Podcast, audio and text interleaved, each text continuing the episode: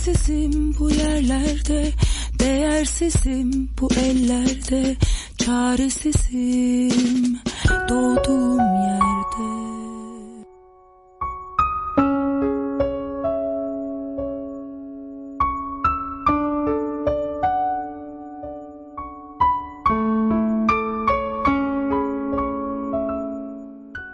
Beni inandır benim varlığıma.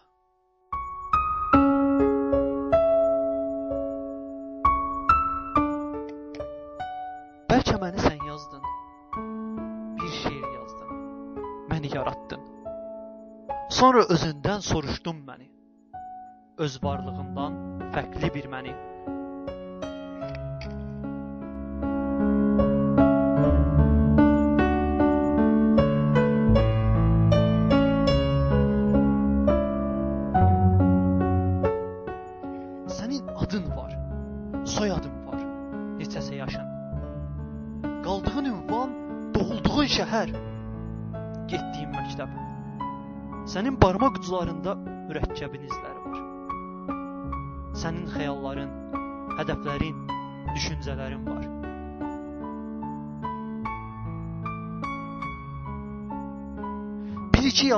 çatsan da həqiqətə salam deyirsən.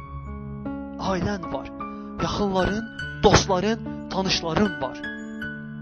Bəlkə də özündən çox sevdiyin sevgilin var. Yox. Sənin sevgilin yoxdur ki, yazdın məni. Etdin özünə aşiq. Sənə mənə ehtiyacım var.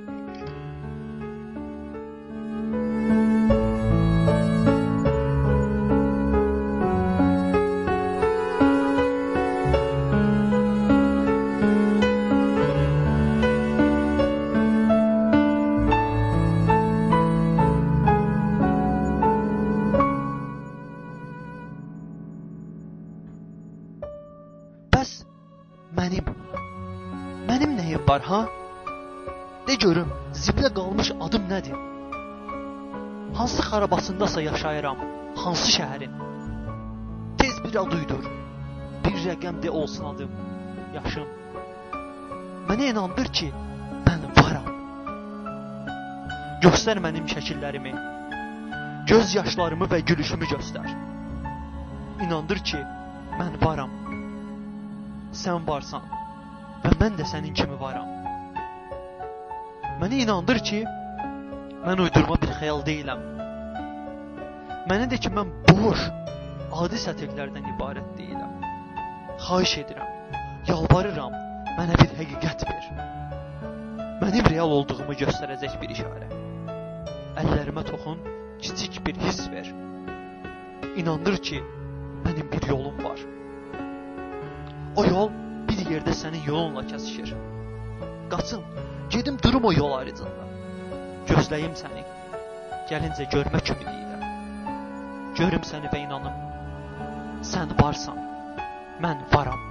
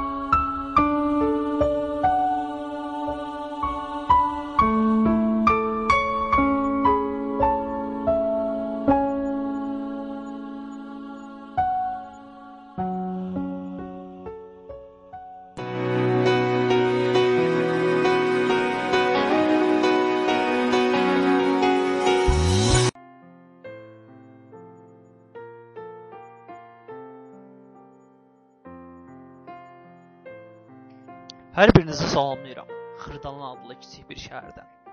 Hal-hazırda siz Axtaran adam verilişinin ilk bölümü İnsan və mənə dinləyirsiniz. İnsan və mən. Bu gün bu haqqda danışacağıq. Bu gün bu haqqda fikirlərimizi yürüdəcəyik, fikirlərimizi səsləndirəcəyik. İnsan nədir? Mən nəyəm? İnsanı insan edən nədir və məni mən edən bizim mənliyimizi başqa mənlərdən fərqləndirən nədir? Bu haqqda danışacağıq. Bu haqqda danışmamızdan danışmamışdan öncə ilk demək istəyirəm ki, Wikipediyada axtaranda insan adlı məqalədə belə bir yazı yazılmışdı. Bəzi anatomik xüsusiyyətləri ilə yanaşı, həm də maddi və mənəvi mədəniyyətin yüksək inkişaf səviyyəsinə, o cümlədən aydın nitq və abstrakt düşüncə tərzinə görə fərqlənir. İnsan insana bənzər meymunlardan bunlara görə fərqlənir. Tək insana bənzər meymunlardan demək, insan artıq digər bütün canlılardan buna görə fərqlənir. Yəni önəmli fərq bunlardır. Önəmli fərq demişkən, insanı insan, bir də məni mən edən nədir? Bizim özlüyümüz, mənliyimiz nədir? Bu haqda e, Ask FM-də insanlara sual verdim, hardasa 1000 nəfərə yaxın. Hardasa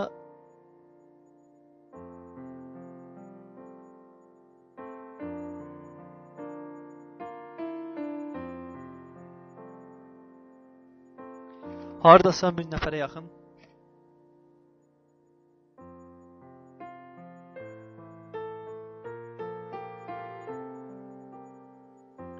Askefemdə hardasa 1000 nəfərə yaxın insana bu sualı verdik biz.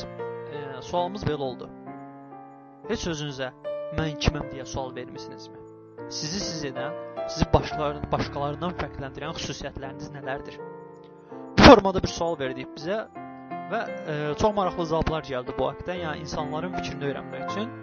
Amma öncə qeyd edim ki, təxminən 1000 nəfərə bu sualı verməyimizdən sonra hardasa 200-ə yaxın cavab aldıq.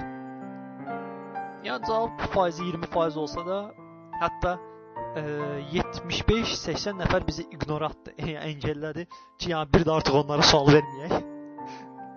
Sualımıza qarşı bu qədər gözəl bir reaksiya gördük. E, Gələn cavablar içərisində maraqlı bir cavab var idi. Hər bir fərdin öz spesifik xüsusiyyətləri var. Bu da onun onu cəmiyyətin digər üzvlərindən fərqləndirir. Bəli. Bizi biz eləyən bəzi xüsusiyyətlərimiz, bacarıqlarımız, qabiliyyətlərimiz nəsə var və o bizi başqalarından fərqləndirir. İndi əsas məsələ o nədir? Bizim spesifik xüsusiyyətlərimiz nələrdir ki, bizi başqalarından fərqləndirir. Gələn digər cavablara baxanda, yəni sizi siz edən və sizi digərlərindən fərqləndirən nələrdir sualına cavab olaraq mənliyim, güclüyüm, səbir və iradəmdir deyə bir cavab gəlmişdi. Bundan başqa verilən cavablarda ən çox eşidilən ifadələr həyata baxışım, xasiyyətim, davranışım, düşüncələrim, hisslərim, mehribanlığım, səmimiliyim, ailəm, qərarlarım, heç kimə özümü oxşatmamağım, başqa biri olmağım, yardım etməyi sevməyim, zövqüm, dünya görüşüm, əvəzsizliyim, düşüncə tərzim və hərəkətlərim. Bu tip cavablar gəlmişdir. Bu cavablara qayıtmamışdan əvvəl digər cavabları oxumamışdan əvvəl. Bir də maraqlı bir cavab var. Özünə məxsus davranışım.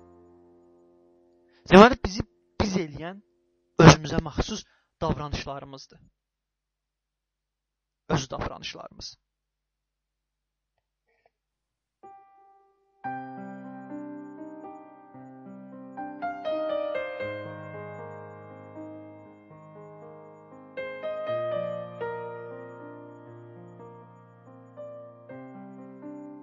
Maraqlı cavablarda bir neçəsində valideynlərin və yaxud atam-anam deyə, yəni bu formada cavablar vermişdi. Bu da genetik baxımdan baxa bilərik. Həm bizi digərlərindən fərqləndirən bizim öz şəxsi bir genimiz olması. Yəni hər hansı bir ailəyə, bir genə, bir soya, bir nəslə sahib olmağımızdır. Yəni bu formada da bunu deyə bilərik. Məni mən eləyən mənim mən olduğum üçün başqalarından fərqliyəm. Ağlım, düşüncə tərzim, fikrim, savadım, səbrim maraqlı cavablar gəlir. Bundan başqa gələn əsas cavablar, yəni sizlərin 1000 nəfərə səsləndirdiyimiz bu 1000 nəfərin düşündüyü, onları onlar edən öz mənliklərini başqalarından fərqləndirən xüsusiyyətlər olaraq aldığımız cavablara ağlım, fikirlərim, qürurum, xəyallarımın ardınca getməyim, xasiyyətim, görüşü, görünüşüm, davranışım, baxış tərzim, düşüncələrim bu kimi cavablar var idi. Bir də e, maraqlı bir cavab gəldi. Məni mən eləyən mənim yerişimdir. Belə bir cavab gəlmişdi. Məni mən eləyən mənim yerişimdir. Burada e, bir atalar söz yada düşür. Başqasının yerişini, ayaqqabını geyinə bilərsən, amma yerişini yeriyə bilmərsən. Yəni bizi də burada məcazi mənada yeriş gedir. Yəni bizim öz hərəkətlərimiz, bizim öz davranışımız ya da baxış bucağımız bizi başqalarından fərqləndirir.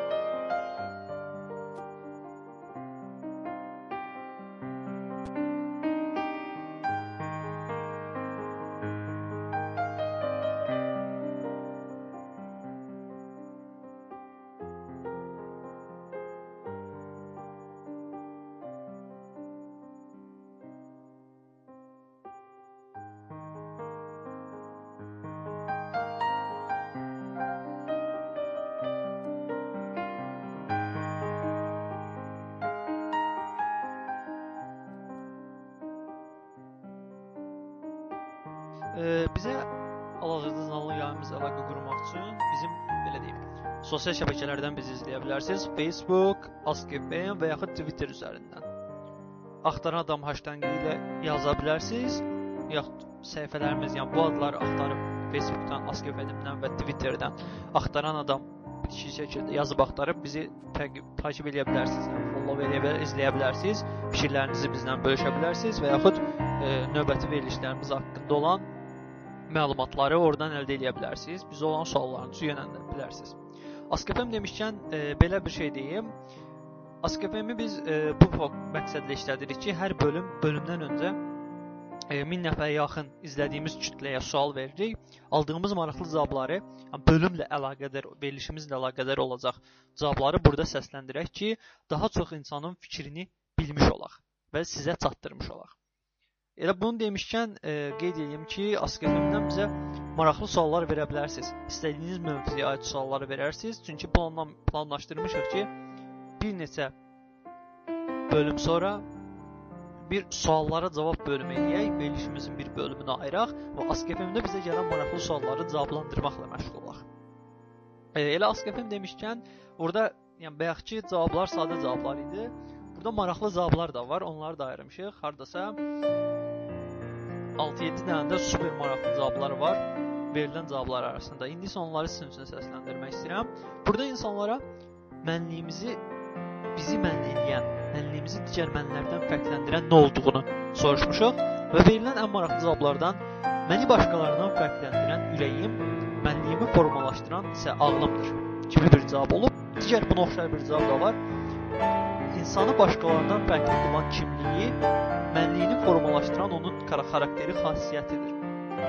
Yəni hər ikisində insanları başqalarından fərqləndirən onun kimliyi və ya ürəyi, onun mənliyini formalaşdıran ağlı xarakteri xassiyyətidir. Belə bir cavab var. Mənə görə biz aktyoruq. Hər kəs bu həyatda bir rola bürünüb onu oynayır. Onu deyə bilərəm ki, hər kəs eynidir. Fərqimiz isə oynadığımız obrazlardan asılıdır. Və siz hansı obrazı oynayırsınız? Və siz öz oynadığınız obrazdan razısınızmı? Bir düşünmək lazımdır məncə. Mənim fikrimcə hər bir birimizin dünyaya gəlməyində bir məqsəd var və hər kəsin özə məxsus onun digərlərindən fərqləndirən xüsusiyyətləri var. Bəli, bayaqdan danışdığımız kimi, yəni hər kəsin özünə məxsus xüsusiyyətləri, xassiyyətləri var. Və başqa canlılardan fərqləndirən bizim özünə məxsus olduğumuz xüsusiyyətlər. Düşüncələrimiz, fikirlərimiz, hərəkətlərimiz və yaxud baxış buzağımız bunlardır. Bu sualı özümə verəndə özümün tək, təkrarlanmaz, orijinal olduğumu anladım. İkinci bir mən yoxdur. Təkrarlanmaz olmaq superistim. Mənim mənliyimi formalaşdıran. Belə bir cavab vermişdi və cavabın əvvəlinə qaydanda deyir, bu sualı özümə verəndə özümün tək olduğumu anladım. Yəni siz bir dənəsiz. Siz hə, o biraz yaxşı mənada çıxma, bir dənəmsən mən aslında. Yəni, siz hər biriniz bir nümunəsiniz. Bir mən var. Yəni başqası yoxdur. Sizi əvəz edə biləcək başqası yoxdur.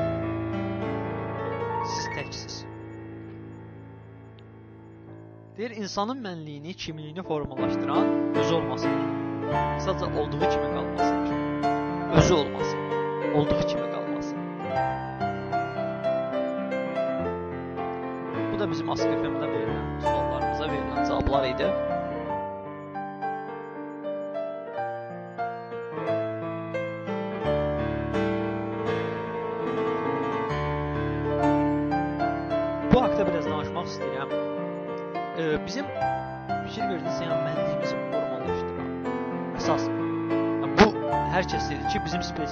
Xüsusiyyətlərimiz var, bizim mənliyimizi formalaşdıran xüsusiyyətlər var.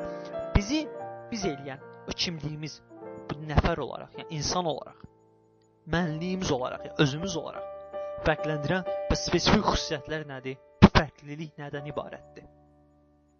Düşünürəm ki, bu əslində bizim beynimizin içində olan şeylərə aiddir. Yəni belə deyim, öz fikirlərimiz, öz düşüncələrimiz, yəni düşünmə qabiliyyətimiz, fikir əldə etmə qabiliyyətimiz, qərar qəbul etmə qabiliyyətimiz və bir hədəf, bir məqsəd, bir qərar seçib ona doğru bütün vərdişlərimizi ona uyğun olaraq idarə etməyimiz. Yəni əsas məsələ, yəni beynimizin xüsusiyyəti bizi, yəni biz eləyən ümumiyyətlə ümumi mənada götürəndə digər varlıqlardan, məsələn heyvanlardan, atdan, fildən, qarışqadan fərqli edən bizim düşünə bilmə qabiliyyətimizdir. Bizim düşüncəmizdir. Biz bir şeyə fərqli şəkildə baxa bilərik və insanlar bir-birlərindən də fərqli ola bilərlər. Həmçinin eyni bir insan müəyyən dövrdən bir baxış bucağını dəyişdirə, fərqli baxa bilər. Düşünə bilər, qərar qəbul edə bilər, beynin funksiyalarını istifadə edə bilər. Və bizi biz eləyən əsas da budur, beynimizin içindədir. Yəni bizim xasiyyətimizi də bəlli edən, bizim məqsədlərimizi də bəlli edən bizim düşüncələrimiz, bizim fikirlərimizdir. Beynimizə daxil olan fikirləri analiz etməyimiz, analiz sonrası aldığımız qərarlar və bu qərarlara uyğun olaraq etdiyimiz hərəkətlər bizi biz eləyən bunlardır.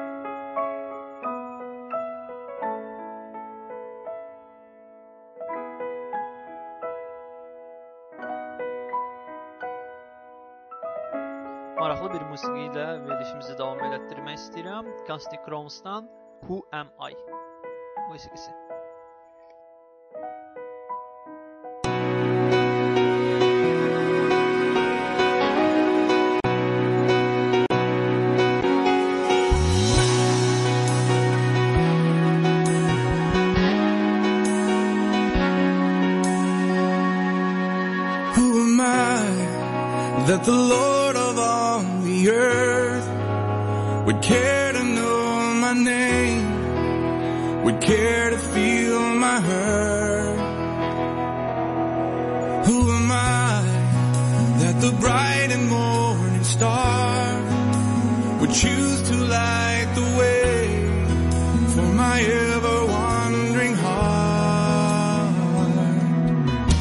But because of who I am, but because of what you've done. Not because of what I've done, but because of who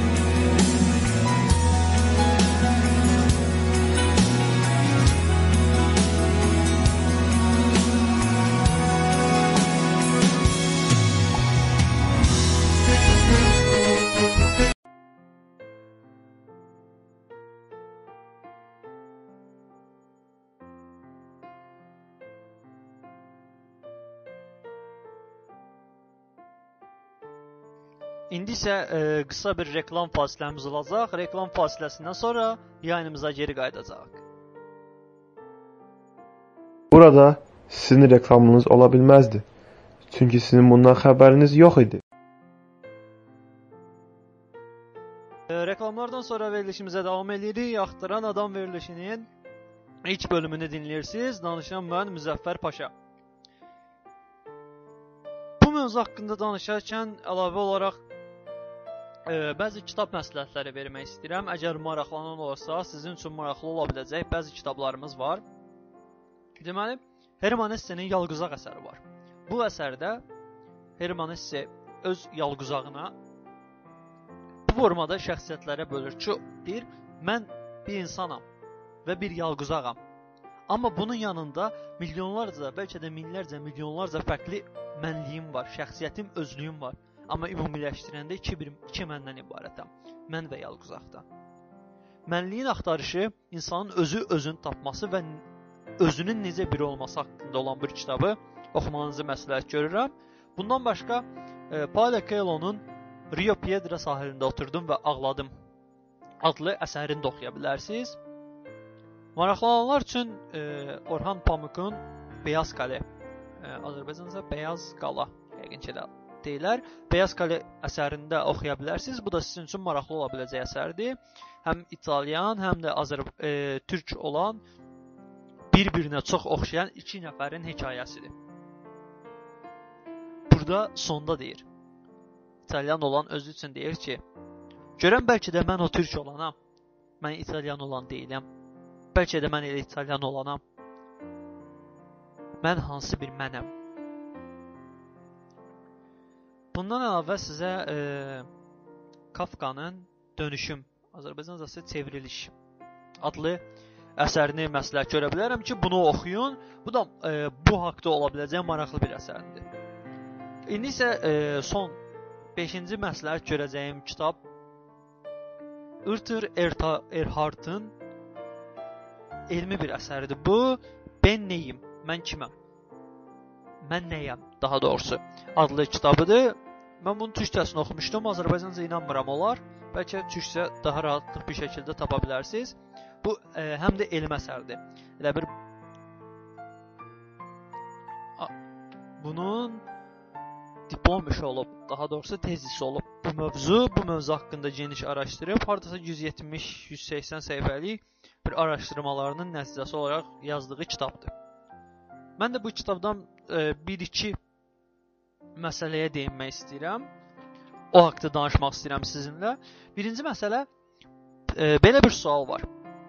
Bu deməli TEDx-in təhsil məqsədi ilə, insanlara nəsə öyrətmək məqsədi ilə uşaqlar üçün sizcə film bu animasiyalı formada hazırladığı videolarda Who Am I adlı bir videoda belə bir ifadə var idi ki, 1000 il əvvəl bir hökmdarın istifadə etdiyi gəmi bir limanda saxlanılsa və 1000 il keçsə, deyə bilərikmi, bu gəmi həmin gəmidirmi?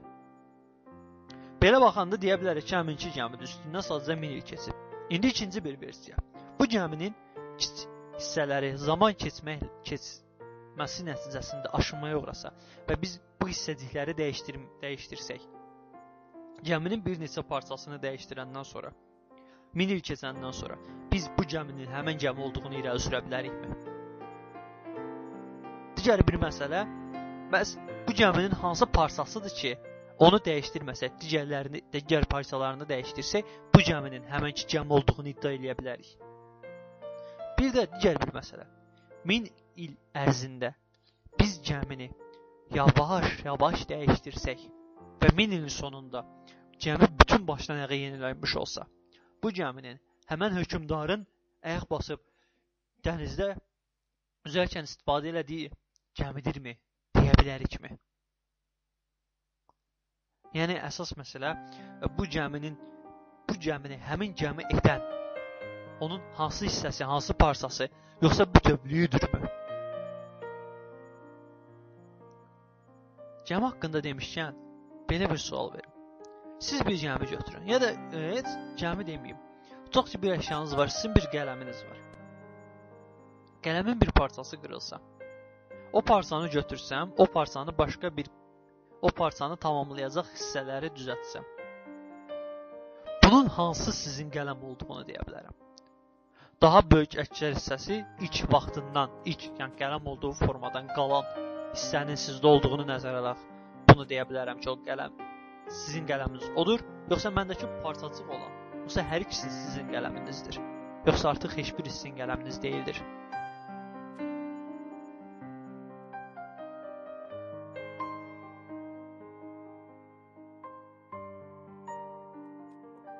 Mövzumuz e, insan və məndir. Biz mən haqqında danışdıq. Özümüz olmağımız, kimliyimiz olmağımız və bizi formalaşdıran fərqli edən cəhətlər. Biraz da insan haqqında danışmaq istəyirəm. Biz e, niyə bu haqqda danışmaq istəyirəm? O Ürtür bəyin familiyasını unutdum. Erhardın, Ürtür Erhardın e, kitabında qeyd eləmişdi ki, biz insan olaraq fərqlidir, mənliyimiz olaraq fərqlidir. Bu haqqda danışmaq istəyirəm. Biz insan olaraq nəyik? Bir insanıq, bir yaradılmış bir varlığıq. Bir insanlığa sahibik. Bəs bunu başqa canlılardan fərqli eləyən bizim misal üçün tənəffüs sistem quruluşumuzdur, hüceyrə quruluşumuzdur və yaxud bioloji quruluşlarımızdır. Yəni, ümumiyyətlə mövzuya bioloji tərəfindən yanaşmaq istəyirəm. Bunlara baxanda deyə bilərəm ki, insan olaraq bizim nə zamana qədər yaşayırıq? Bizim insanlığımız nə zamana qədər qalır? Buna baxandan sonra bizim mənliyimiz nə zamana qədər yaşadığını, həyat sürdüyünü müzakirə eləmək istəyirəm. İlk öncə insanlığımıza baxaq. Bizim insanlığımız nə zaman ölür? Ölüm deyəndə artıq burada iki cür ölüm forması var. 1. Beyin ölümüdür. 2. Ağciyər və ürək ölümüdür. Səhv eləmirəmsə, yəni nəfəs sisteminin ağciyər ürək ölümü. İki formu ölüm qəbul olunur. Deməli, dünyanın artıq böyük bir əksər ölkələrində beyin ölümü gerçəkləşsə, beyin ölümü baş versə, artıq insan ölmüş sayılır. Amma burada bir təzad var. Bəzi qanunlara görə burada insan yox, fərd, şəxs ölmüş qəbul edilir. Məsəl üçün dövlət konstitusiyalarına baxanda bizə insan olaraq yox, fərd, şəxs olaraq baxılır. Və biz fərd, şəxs olaraq ölmüş olduğumuz halda artıq insan olsaq belə, fərd, şəxs olmuş olaraq ölmüş olduğumuz halda o əldə etdiyimiz müəyyən hüquqlardan istifadə edə bilmirik. İnsan olaraq qalsaq belə. Bunu nəyə görə dedim? E, düşünək, burada bir məsələ var. Bizi insan eləyən nədir? Bizi biz eləyən nədir? Bizi insan eləyən bütün bioloji varlığımızdır. Bizi biz eləyən isə beynimizdir. Çünki bayaq dedim, bizi biz eləyən düşüncələrimiz, fikirlərimiz, bizim istəklərimiz və yaxud digər funksiyalardır ki, bunlar hamısı ümumilik şəkildə beyində formalaşır, beyində yaranır. Və buna görə də ə, bizim mənliyimiz beynimiz olaraq götürək, bizim insanlığımız, bütün bioloji varlığımız, vücudumuz olaraq götürək. Elə bunu rahat bir şəkildə bölə bilərik. Ürək ağciyər sistemini bizim insanlığımız olaraq götürək. Ürək ağciyərimiz öləndə artıq bizim insanlığımız olaraq bitir. Amma beynimizin funksiyası gedəndə bizim kimliyimiz, bizim mənliyimiz artıq bitmiş olur. Sənin e, bir insanın beyni öləndən sonra, artıq beyin ölümü gerçəkləşəndən sonra ki, burada beyin ölümü deyəndə nəyi nəzərdə tuturam? O zaman e, beyin ölümü gerçəkləşir ki, beynin əsas funksiyalarını yerinə yetirən hissələri funksiyasını dayandırır. Sadəcə beyin kökü qalır və beyin kökü xüsusi qeyri-şüuri olaraq idarə edilir. Nəfəs hissəsini, ağciyəri, ürəyi, yəni bədəndə qanın dövranını və nəfəs alma hissəsini idarə edir. O ümumi şuursuz idarə olunan funksiyalar qalır. Yəni şuurumuz gedir. Bizi biz eləyən şuurumuz artıq məhv olur və bizim şuurumuz, bizim mənliyimiz artıq ölmüş olur. Yerdə qalan bizim insanlığımız, insan bədənimiz qalır. Yerdə yəni bir insan qalır. Bu bizik. Daha doğrusu biz idik. Çünki biz artıq dönüşümsüz olaraq, geri dönüşümsüz olaraq beyin ölümü gerçəkləşdirsək, artıq yenidən özümüzü idarə edə bilməyəcəyimizə görə artıq biz ölmüşük. Sadəcə bizim bədənimiz yaşayır. Süni şəkildə hələ də tənəffüs edir, hələ də qan damar sistemi işləyir və s. Buna baxanda, yəni bu formada qanunlar qəbul ediləndə ölüm iki cür götürülür müəyyən dövlətlərdə. Beyin ölümü əsas götürülür. Əgər beyin ölümü olsa, artıq o bədənin ümumiyyətlə bütün vücud olaraq bütün şəkildə ölümünü onun hüququ yoxdur seçməyə. Artıq onun fikirləri yoxdur, onun düşüncələri yoxdur, qərar qəbul edə bilmədiyinə görə. Onun yaxınları tərəfindən artıq e, Azərbaycan səsinin necədir? Türkçəsi bitkisel həyat. Beyin ölümü keçirilmiş bitkisel şəkildə, yəni aparatlara taxılı şəkildə yaşanmış bir həyat növü var. Yəni beyin ölümü keçirdikdə bitkisel həyatda yaşayanda artıq bizim hüququmuz yoxdur, yaşamaq hüququmuz yoxdur. Bunu bizim yaxınlarımız, bizim məsuliyyətimiz kimin üzərindədirsə ya da varisliyimiz kimdədirsə, onların seçmə hüququ var ki, bizi aparatdan ayırıb artıq vücudumuzu da ölmə tərk eləsinmi, yoxsa yox? Yəni bizim artıq özümüz üzərində seçim hüququmuz yoxdur. Artıq biz ölmüşük. Beyin ölümü gerçəkləşəndə. Yəni müəyyən qanunlarda, qaydalarda bu formada bu götürülür. Bundan başqa Olson adlı məşhur şəxslərdən biri belə bir sual verirdi. Bizi bizliyimiz eləyən, bizim insanlığımızı və mənliyimizi fərqli eləyən buna aid bir sualı əşyalarda verirdi. Tutaq ki, bir əşya götürürdü və deyirdi ki, bu əşya sənət əsəridir. Amma bu əşya nə zamandan sənət əsəri olmağa başlayıb, nə sənət əsəri olaraq adlandırılıb? İlk dəfə ekspertlər bunu sənət əsəridir deyəndən bu sənət əsəridir. Yoxsa bu sənət əsərini, bu heykəli düzəldən heykəltaraş bunu düzəldəndən sonra bu sənət əsəri oldumu? Yoxsa elə ən başdan o bir mərmər olaraq olanda da sənət əsəri idimi? Nəyə görə deyirəm? Çünki Olson belə bir fikir irəli sürürdü ki, bəs əgər hər hansı bir abidəni götürək, e, təbii abidəni götürək və biri onu sənət əsəri olaraq adlandıranda, o nə zamandan sənət əsəri olaraq görülməyə başlayır? İlk dəfə onun bir insan tərəfindən sənət əsəri olduğu adlandırılandanmı? Yoxsa elə o ilk var olandanmı? Bunu nəyə görə götürür? Bunu da Olson bu fikri insanlar üzərində buna görə ifadə etməyə çalışırdı ki, yəni biz insan olaraq nə zamandan insan olmağa başlayırıq? E, elmi araşdırmalara görə insanın yaddaşı, yəni yaddaşımız qalması, baş verən ətrafda gördüyümüzün yadımızda qalması bizim təxminən 3-4 yaşlarımızdan bəri olur. Yəni belə deyim, e, sad indi hal-hazırda sadəcə 3-4 yaşlarımızdan bəri olanları yadımızda saxlaya bilirik. Ondan əvvəli olmur. Yəni 1-ci, 2-ci, 3-cü yaşımızda olarkən baş verənlər yadımızda qalmır. Yəni insan özünü belə deyim, bunu mən bu formada qəbul edirəm ki, yaddaşımız əgər bizim 3-4 yaşımızdan qalmağa başlayırsa, biz də elə 3-4 yaşımızdan beynimizin yaddaş funksiyası əldə eləməsindən, artıq beynimizin özünü rahat bir şəkildə, şuurlu şəkildə hərəkət etdirməsindən ki, uşaqların da bəli, qəbul edirəm. 1, 2, 3 yaşda olan uşaqların da hərəkətləri şuur hərəkətləri, öz istəkləri ilə edirlər. 2, 3 yaşındakıların. Amma bu hərəkətlərin daha fərqli olması, yəni yaddaş funksiyasında bu hərəkətlərin yanına əlavə olunması 3-4 yaşlarından başladığından biz həyata 3-4 yaşlarımızdan başlayırıq bizim mənliyimiz. Amma insan olaraq o vaxtdan başlayırıq. E, qanunlara görə burada belə danışım. Deməli biz insan olaraq, bir mən olaraq qanunlara görə insanın hamiləlik dövrünün başlamasından, ilk başlanğıcından qəbul olunur Azərbaycan Respublikasının konstitusiyasına görə.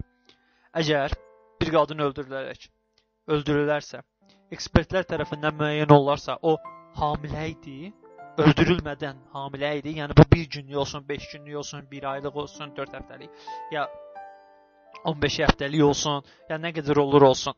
Əgər hamilə olduğu isbat olunarsa ekspertlər tərəfindən, o zaman qatilin bir yox, 2 nəfəri öldürül öldürdüyü qəbul edilir rəsmi şəkildə. Buna həm də e, Amerikanın 30-a yaxın ştatında qanunlar şəklində var ki, əgər hamilə bir qadına edilmiş zərər nəticəsində uşaq ölərsə, insan cinayəti işləmiş kimi məhkəməyə şikayət eləyib onu qanun qarşısında cavab verməyə borclu qoya bilərik. Bundan yanaşı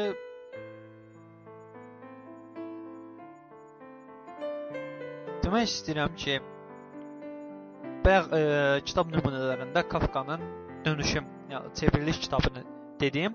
Bizi insan edən və e, ki mənli, mənl edən funksiyaları var. Bu haqqda danışmaq istəyirəm. E, Kafkanın Dönüşüm kitabını, yəni çevriliş kitabını misal göstərərək.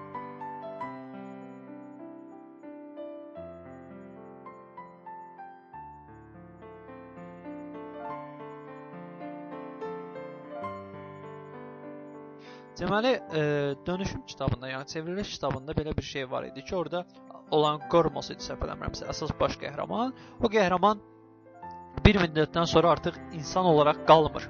Mənliyi qalır, özünü idarə edir, düşüncələri olur, fikir qəbul edir, amma insan olaraq qalmır, bir heyvana çevrilir.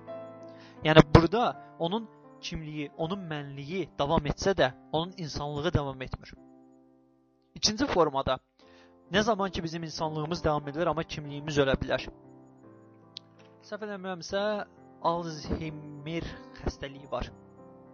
Bu xəstəliyə tutulmuş insanlar, yəni beynin funksiyaları itirir, düşünmə qabiliyyəti, qərar qəbul etmə kimi bəzi qabiliyyətləri itirmiş olur bu xəstəliyin nəticəsində. Onlar şüursuz şəkildə hərəkət etmiş olur. Artıq o zaman mənliyimizi itiririk. Çünki bizi biz eləyən əsas xüsusiyyət insanların bayaqçı ASKFM-dəki verilən cavabları da nəzərə alıb deyirəm ki, bizi biz eləyən xüsusiyyət bizim düşüncələrimiz, fikirlərimiz, hərəkətlərimiz, baxış bucağımızdırsa, beynimizin bu funksiyasını itirəndən sonra artıq biz qalmır. Bizliyimizi itirmiş oluruq. Və sadəcə geri qalan e, insanlığımız olur. Yəni bu xəstəliyə tutularsan, ya bu tip formalarda biz insanlığımız qala-qala kimliyimizi itirə bilərik.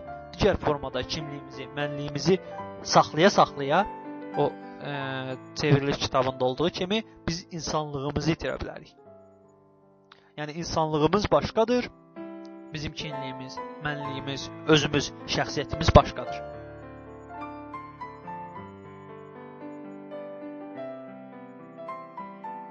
Bir də belə bir şey ifadə edeyim ki, martılar Azərbaycancası dəqiq bilmirəm, türkcə martı deyirlər.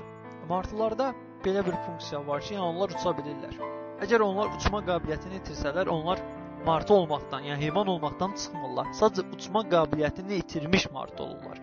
Və insan da bəzi xüsusiyyətlərini itirsə, o bəzi xüsusiyyətlərini itirilmiş insan olaraq hələ həyatını davam etdirir. İnsan olaraq qalır. Bəzi xüsusiyyətlərini itirsə. Amma böyük bir dəyişikliyə uğrasa, məsəl üçün e, mərmərdən düzəldilmiş, mərmərdən deməyim, dəmirdən düzəlmiş bir əşyanı əridərək başqa bir əşya düzəltsəm, artıq o bütünlüklə əşyanı dəyişdirmiş oluram. Artıq ilk əşya yerdə qalmır, ikinci əşya qalır. Başqa bir əşyaya çevrilir. Amma insan bədəninin müəyyən funksiyalarını itirsə də o insan olaraq qalmağa davam edir.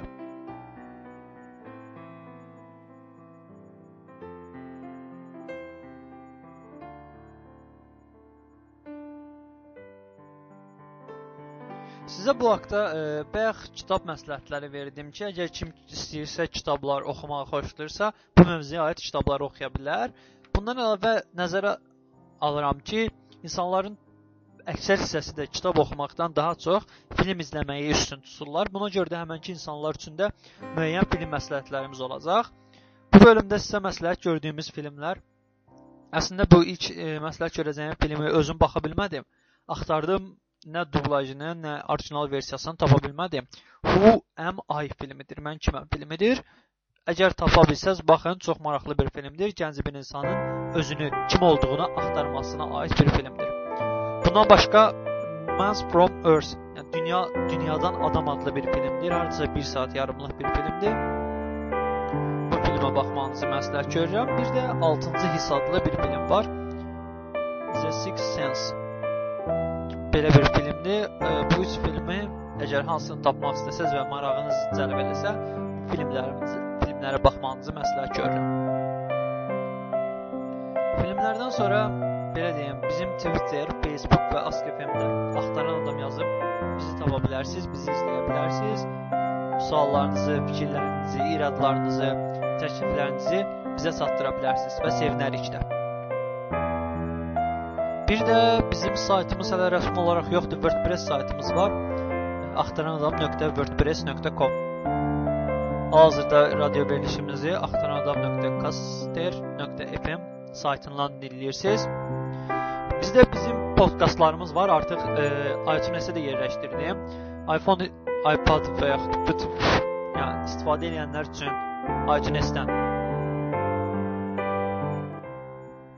iTunes-dən istifadə edərək e, bizi izləyərək follow eləyə bilərsiniz ki, podkastların funksiyası müəyyən bir verilişin, yəni radio verilişi üzərindən götürürəm, verilişi MP3 formatına salıb yerləşdiririk və siz podkastları izləyərək takib eləyək, follow, subscribe, follow eləyərək istədiyiniz vaxtı radio verilişini MP3 formatında yükləyib istədiyiniz vaxtı dinləyə bilirsiniz, istədiyiniz yerdən. Sadəcə bir dəfə telefona yükləməklə və yaxud kompüterə yükləməklə onu daimi istədiyiniz kimi dinləyə bilərsiniz. Və siz də e, iTunes-dən axtaran adam yazıb verilişimizi tapa bilərsiniz və yaxud digər telefonunuzda hansı podkast istifadə edə biləcəyiniz bir proqram varsa, dinlədiyiniz proqram varsa, həmin ki proqramdan verilişimizi yükləyə bilərsiniz. Abunə ola və verilişimizin hər bölümü bitdikdən sonra biz ora yerləşdirəcəyik, onları dinləyə bilərsiniz. Bu verilişi hazırlamamda mənə dəstəyi olan film məsləhətləri üçün Aytaç Hacızadəyə, reklamın səsləndirilməsi üçün Nicat Paşazadəyə, internet dəstəkləri üçün Cəlal Əhmədzadəyə dərin təşəkkürlərimi bildirirəm. Bizi dinlədiniz. Axtaran adam verilişinin ilk bölümü insan və mən. Mən danışan Müzəffər Paşazadə. Növbəti həftəyə görüşmək üzrə son bir mahnı ilə verilişimizi sona çatdırıram. Hər birinizə həyatda uğurlar. Görüşənədək.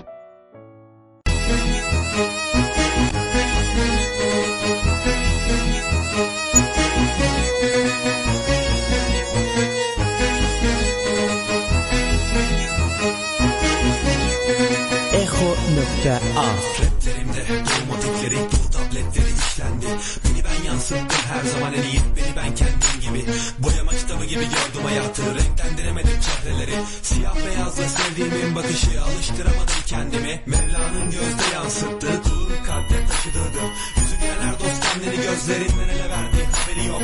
Bir gönlüm vardı baba Bir de gönlüme gömdüm. Şimdi öldüm. Bir nasıl bilirdiniz? Geri dönüşü olmayan bir yola yüzümü döndüm. Şu an hasretim tebessümlere hasretim. Güzel günlere bugün her seni seviyorum. Onu geçerlilik süresi sadece iki gün. He. Bugün benden nefret eden daha dün bana aşıktı. Çelişki sevgili dost hepsinde ortak tek bir nokta var çıkar ilişkisi. Maskelerini gördüm tanıdıkların altını göremedim asla. Asla. Güvenimi emanet ettiğim herkes beni terk etti kısa bir Benden uzanan her zeytin dalı kesildi. İhanet denen makasla Sevdiğim beni sevebilmek için sırtını bana yasla. Bana yasla. Sevgilim güveni sarfiyeti doldu galiba. Sevdiğim Özledim. Çıkan acı gütmeyen kol sevgileri özledim. Sözlerim bana sadık olana yönelemedi yazıklar sözlerim. Maskeyi çıkar da bir görelim ben benim. Beni sen kimsin sevgilim güveni sarfiyeti doldu galiba. Sevdiğim Özledim. Çıkan acı gütmeyen kol sevgileri özledim. Sözlerim bana sadık olana Maskeni çıkar da bir görelim ben benim Peki sen kimsin? Məni mənə göstərəndə birinci dəfə güzgü çox qorxmuşdum. Bu mən miyəm? Anlamamışdım. Qəribədir, niyə bu belə sormuşdum? Yormuşdum. Bəlkə buna görə biz bunu olacaq bu demişdilər mənə, amma illər keçir mənsə güzgüdə hər dəfə başqa bir mən görməyə öyrəşirdim unutmaq əvəzinə. Hmm. İçimdə hisslər isinirdi, mənliyimi deyilən kimi soyutmaq əvəzinə və bir gün satış öyrəndim və bir gün alış öyrəndim. Dedim özüm özümə alış öyrəndim. Mən əvəzinə mən almaq öyrəndim, mən əvəzinə mən satmaq öyrəndim. Əvvəl iməkləməyi öyrəndiyim bu yol yollarda özümü tək qoyub qaçmaq öyrəndim və bir gün sən gəldin, qanad oldum, mən uçmağı öyrəndim. Sən mənə çox öyrətdin, mən səndən çox öyrəndim. Sətirlərin üzərində deyircəklə rəqs eləmək nə gözəlmiş. İşə bax bir güzgüdə özümü tanıdım, üzüm də gözəlmiş. Uçarkən yerə baxdım, gördüm göydən yer üstü nə gözəlmiş. Deyəcəydim gözləmədən və birdən sən getdin. Qanadlarsız qaldım, deyirləndim. Deyirləndim. Sevgilim, bir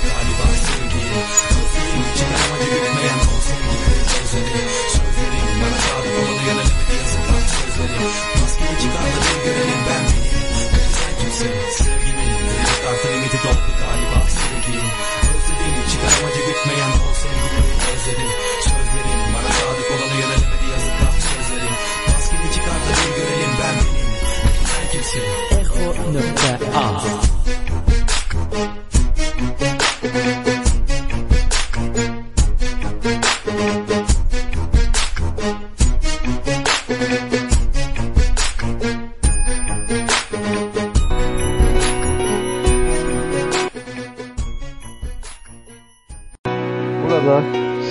Reklamınız ola bilməzdi. Çünki sizin bundan xəbəriniz yox idi.